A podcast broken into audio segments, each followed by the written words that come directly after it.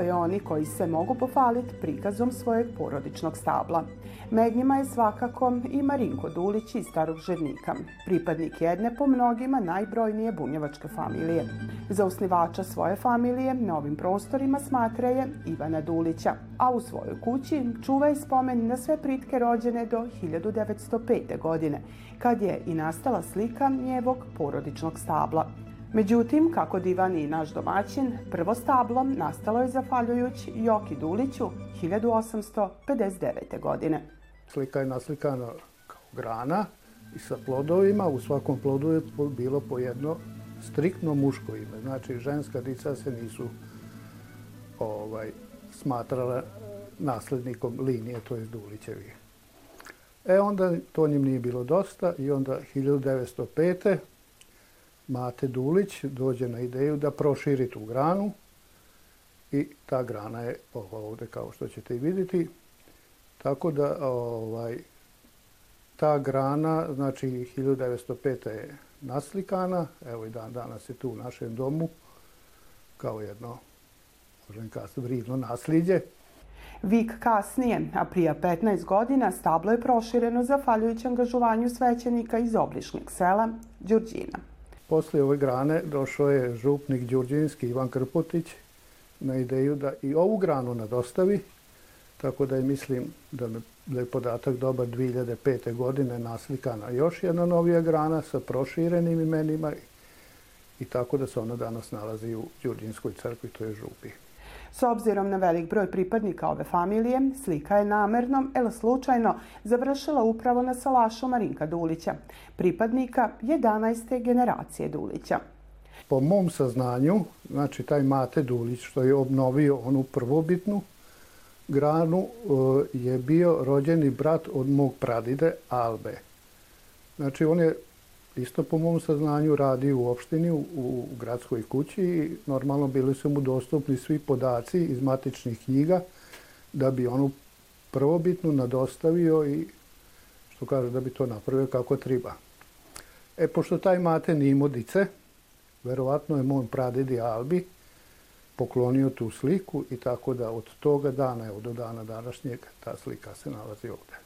Svakom ko se iole interesuje za ovaki vid porodičnog nasljeđa pažnju privlače dva ploda na grani, u kojima imena nisu upisana. To je dosta zbunjiva ljude koji dođu, pa čak i mene, ali ni od kog nisam dobio konkretan odgovor, ono što ja smatram da se to rodilo dvoje dice koji su nažalost umrli kao jako mali, tako da nisu ni dospeli do matičnih iga da se uvedu.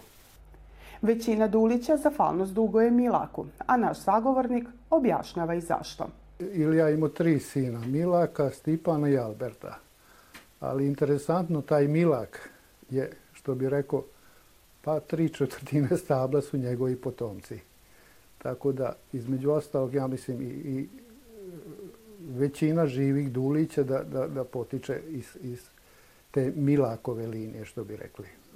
Milakovi pet sinova zasnovali su svoje porodice sa svojim nadimcima, odnosno prdačnim imenima. Međutim, znalo se trevit i gašenje grane tokom vrimena. Kad smo kod prdačnih imena, ja ću se tu malo poslužiti sa ovom knjigom da ne bi ovaj, nekoga slučajno izostavio, ali već ovaj, kao i sve familije, pa tako i Dulićevi imaju prdačne imena, pa ako nemate ništa protiv, ja bih pročitao.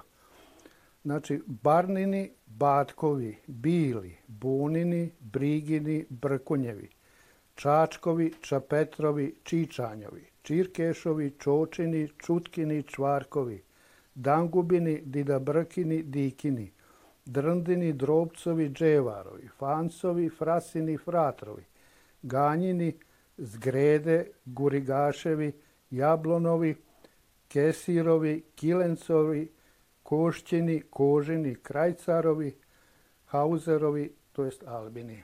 Da ne uvredim nikoga, ali recimo ovi što su predače bili, ne znam nikoga recimo.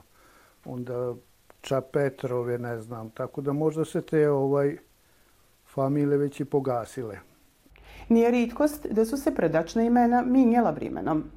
Prija smo se zvali općinarovi, opet potom Mate Duliću koji radi u opštini. E sad, posle, pošto je mate rođeni brat Albin, onda smo bili Albini. E sad, tu dolazi ovo zadnje Hauserovi.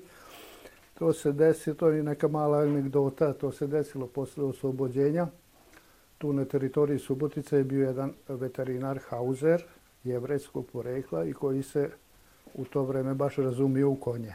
E sad, pošto moj rođeni stric se počeo baviti kasačkim sportom i to mu je dosta išlo dobro od ruke i onda tako kroz divan sa konjima, a ti si isti kao onaj Hauser, razumiš u konje, razumiš se u konje i eto tako moj stric postane Hauser i eto sad mi to nadimak, to je sprdačno ime, nosimo dalje.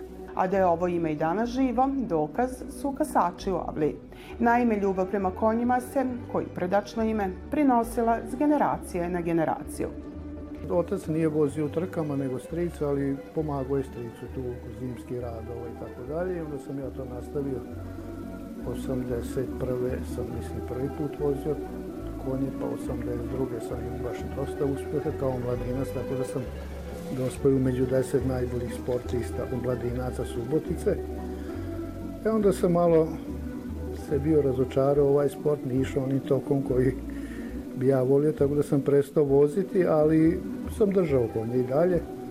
Onda tamo 90. neke počinje saradnja sa gospodinom Zvonko Bogdanom, tako da ovaj, eto, onda on vozio konje i onda eto sad opet imamo konja, sad neki drugi voze, tako da, a inače što mi je ovako drago i milo što je to i moja čerka velik zaljubljenik konja, tako reći fanatik, čak možda i više od mene, tako da se nadam da će ova tradicija nastaviti dalje da živi.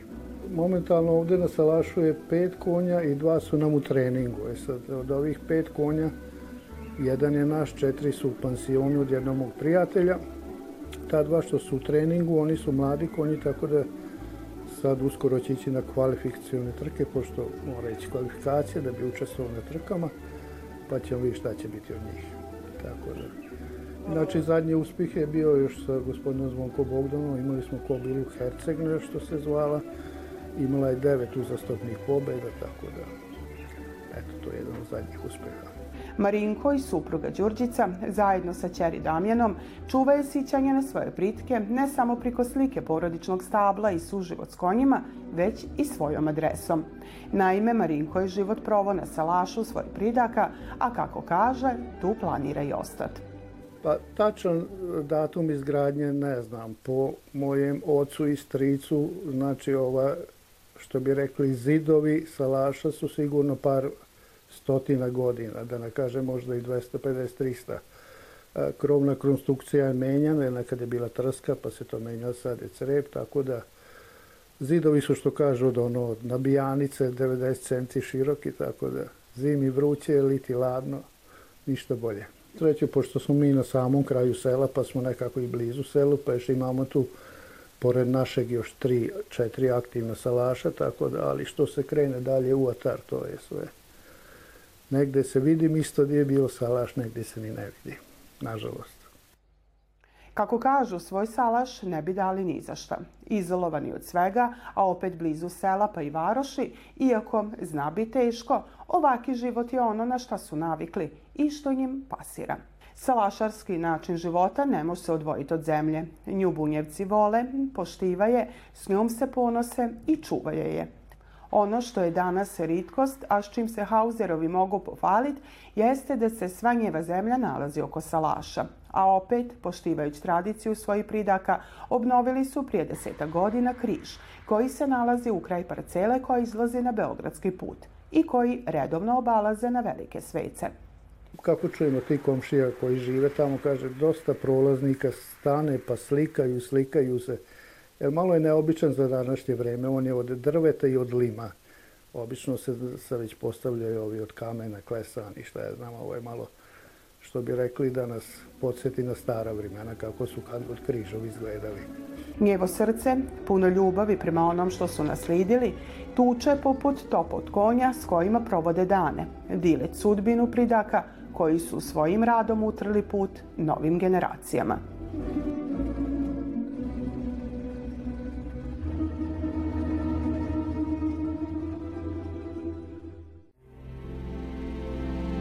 Gledate paletu. Izbor iz emisija na jezicima nacionalnih zajednica.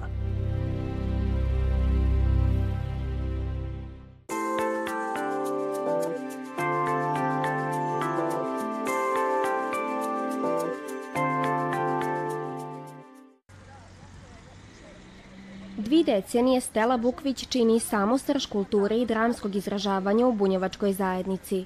Tokom ovog perioda nebrojena puti se našla na daskama koje život znače i tako potvrdila svoje vrsno glumačko umiće. Valjda se Bog odredi tako da sve, za sve postoji vreme. E, išla sam na fakultet, završila sam fakultet, udala sam se, došla su dica, dica su bila mala, dicu je trebalo odraniti i 2000. godine je došla Bunjevka u, u Baj, Mali Bajmak. Moji mama i tata tamo su živjeli. I mama i tata su se prvi, prvi uključili u rad Bunjevke i zvali su moju dicu. A jedna od sekcija koja je počinjala s radom je bila i recitatorska sekcija. I ja sam došla sa dicom na recitatorsku sekciju i sa recitatorskom sekcijom je počelo, nastavilo se sa tim da sam počela voditi programe, rekreativno sam se bavila i folklorom. Tako je na red došlo i prvo glumačko iskustvo u jednočinkama vezanim za važne bunjevačke svece koje je pisala predsjednica Bunjevke Kata Kuntić. Uslidile su potom ozbiljnije uloge u predstavi Materice, zatim bunjevačkim svatovima, bunjevačkoj familiji u tranziciji te 13 grišni slova. I tako je došlo do u jednom momentu Viteđanine. I to je bilo, valjda je to bio najveći zalogaj koji sam mogla zagrist u životu. E, sat i po vremena, mislim da je trajalo, sat i po, da. Sat i po vremena je trajalo i bila sam sama. Valjda je to bilo ono što su mogli izvući iz mene najviše. Upravo je uloga Viteđani neobilužila značajan dio glumačkog iskustva naše sagovornice, pa iako odigrana uživo samo je red 2012. godine, ova monodrama je svima koji su je videli ostala urizana u sićanje. A Stela napominje kako se za ovu ulogu i ovaj komad kojeg je sama iznela ozbiljno spremala. Bila sam spremna e, i nadala sam se jedino da neću nigde ništa priskočiti, ali ako priskočim onda nisam znala da li ću na, znat nastaviti. I bio je jedan kritičan moment e, kad sam u momentu mi je onako sve se izbrisalo. I onda sam čupala sam neko perje, i onda sam tako čupala bismo, ono perje, dok me nije, a šaptača čut makaki. Ništa to nije bilo, ja sam samo u mojim mislima bila hoću se sititi, hoću se sititi, sitila sam se na i to je završilo se, bilo je još par priskakanja u samom tekstu u toku, ali to sam tek posli kad smo završili, pa kad sam gledala, videla gdje sam priskočila. Iako kovaroško dite nema iskustvo života na salašu, Stela je svaki put znala iznet ulogu žena sa salaša, njeve životne borbe, stavove, razmišljanja, osjećanja, tuge i sriće. Kad se osvrne na svoju amatersku glumačku karijeru, ističe kako je bitno da je ljudi pamte po ulogama koje je oživila, te da prepoznaju njezin trud i veliku ljubav koju je unela u svaki lik. Znam samo je Dare da je došla poznata komšinica iz Bajmaka koja je već ne iz Bajmaka nego iz uh, Kera koja je znala moju pokojnu majku. I kazala je, tvoja majka bi sad zdravo ponosna bila stela. A činjenica da sam eto iz jedne familije koja je eto tako talentovana. Di, jedan dida mi je bio zanatlija, čije je papuče, ovaj drugi dida je bio harmonikaš, E, i mater i otac su mi znali pivati i ja mislim da je moja mama čak mogla, mogla bi proći ko glumica, glumica dobra. E, tako da, valjda su to geni. Upravo ti geni su uticali na to da se Stela nađe u bunjevačkoj pripovitki. Otac joj je jedno vrijeme bio predsjednik bunjevačke matice, a na uz njega i sama je učestvovala u formiranju prvog saziva Nacionalnog savita bunjevačke nacionalne manjine. Ideja vodilja joj je bila, a i sad je, očuvat bunjevačku tradiciju i pružit priliku mladima da bez stida divane svoj maternji jezik. Kad sam sa ovim krenila prvo kulturnim, kulturno-umetničkim radom i posle kad sam se uključila u savit, on je bio taj koji me je uključio. Ja sam bila na onoj prvoj sednici kad se savet biro, sam bila elektor. Uh, znači prvi savet, ono baš prvi kad se biro, sam bila elektor. I posle tog je bio opet kulturno-umetnički rad da bi u nekom momentu opet eto došla da se uključim eto u, baš u rad samog nacionalnog savjeta. I ne možem da virujem da da ovaj da je stvarno 20 godina prošla, da mi je drago, drago mi je zato što svi bi mi trebali da znamo ko smo. Ljubav prema svom nacionalnom identitetu, prema jeziku, kulturi i običajima bunjevačkog naroda jeste ono što Steli Bukvić i danas daje motivaciju za aktivno učešće u zajednici. Ipak gluma, deklamovanje i pivanje je ono što je posebno ispunjava i u što unese svaki dio svojeg bića. To se posebno moglo vidjeti na posljednjoj predstavi Zemlja naših pradidova prija četiri godine. Tu je bilo isto dosta zahtevno, ne toliko po količini e, obimu teksta, nego po tom što je, su bile tri uloge. Znači, trebalo je odglumiti ženu iz onog doba kad smo dolazili, kad su bunjevci dolazili sa reke Bunan u ove krajeve, pa je trebalo glumiti ženu, sestru vojnika, ako se dobro sjećam, to je bio drugi čin, sestru vojnika koji je došao iz rata i onda na kraju groficu na, ba, na ovom balu. Tako da to su bile tri, tri zahtevne uloge i ja mislim da sam i to dobro odradila. Za kraj našeg divana na pitanje na šta je najvećma ponosna za ovih 20 godina svojeg angažovanja u bunjevačkoj zajednici, Stela Bukvić jednostavno odgovara. Što je sve to bilo na bunjevačkom što sam uspila sve na bunjevačkom da iznesem. Na to sam najviše ponosna. I volila bi kad sve ovo što ja radim ne bi u jednom momentu u istoriji opet potonilo digoti da se bunjevački ne divani i da nas nema. I da naša lipa ikavica ne živi.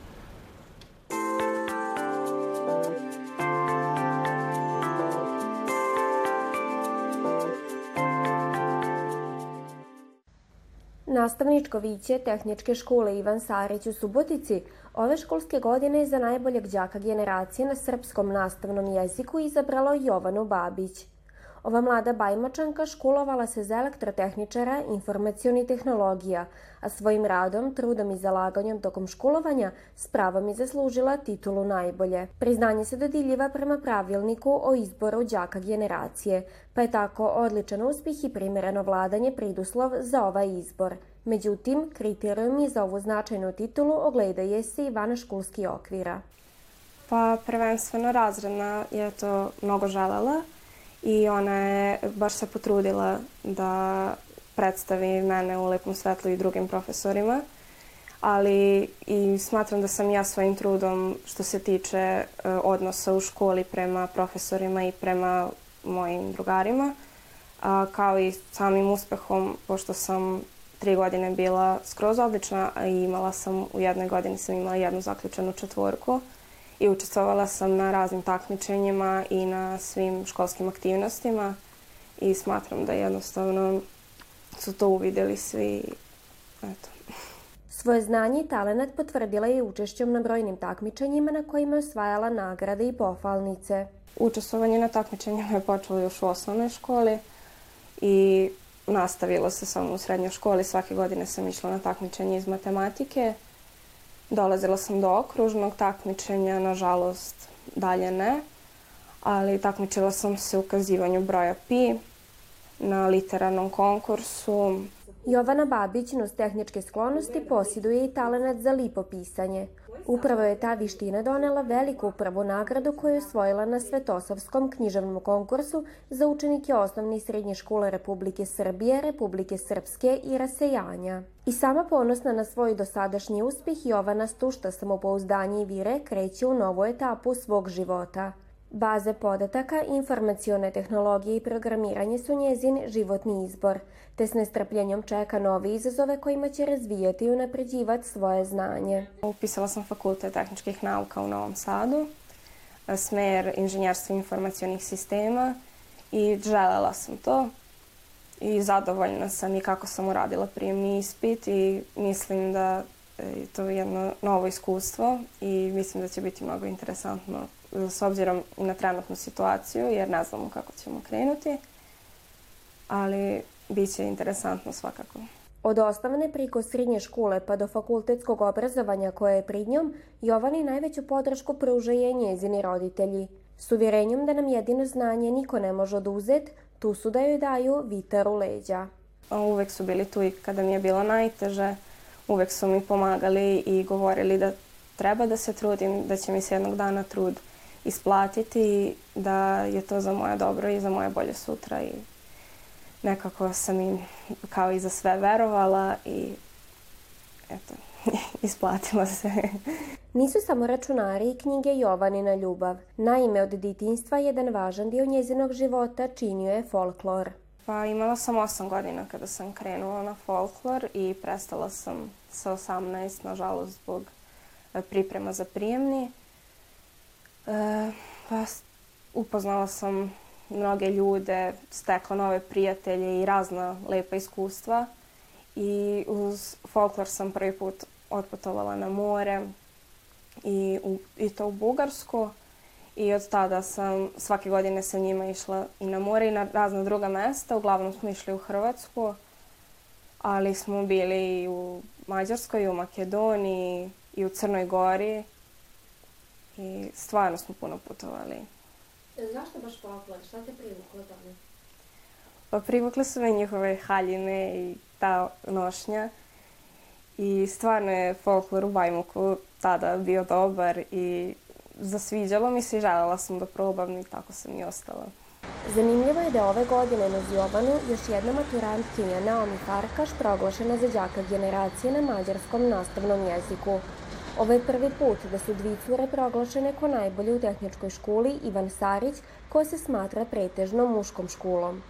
Upravo zbog toga naša mlada sagovornica ima poruku za sve cure koje vole matematiku, računare i programiranje, a koje zbog nesigurnosti ili pridrasuda nisu sigurne da li je to pravi izbor za njih. Pa savjetovala bih da ako stvarno misle da to jeste za njih i ako vole to, da ne treba da slušaju šta govori okolina i da uopšte ne trebaju da razmišljaju da li je to posao za jednu devojčicu, zato što smatram da danas više nema muško-ženskih poslova, da je sve to nekako isto i da svakako treba da se probaju o tome ako stvarno smatraju da to jeste za njih. Jovana Babić je primer kako je zafaljujuć trudu, upornosti i zalaganju svaki san na dohvat ruke, a to je pripoznali njezina škola koju je zbog toga nagradila. Dok se sprema za priseljenje u Novi Sad gdje čekaju novi izazovi i avanture, Jovana je svesna da polako krči put u bolju budućnost kako za sebe, tako i za sve cure koje se ugledaju na osobe poput nje. One cure koje vole matematiku, tehnologiju, nauku i računare i koje ruše sve stereotipe i pridrasude u našem društvu.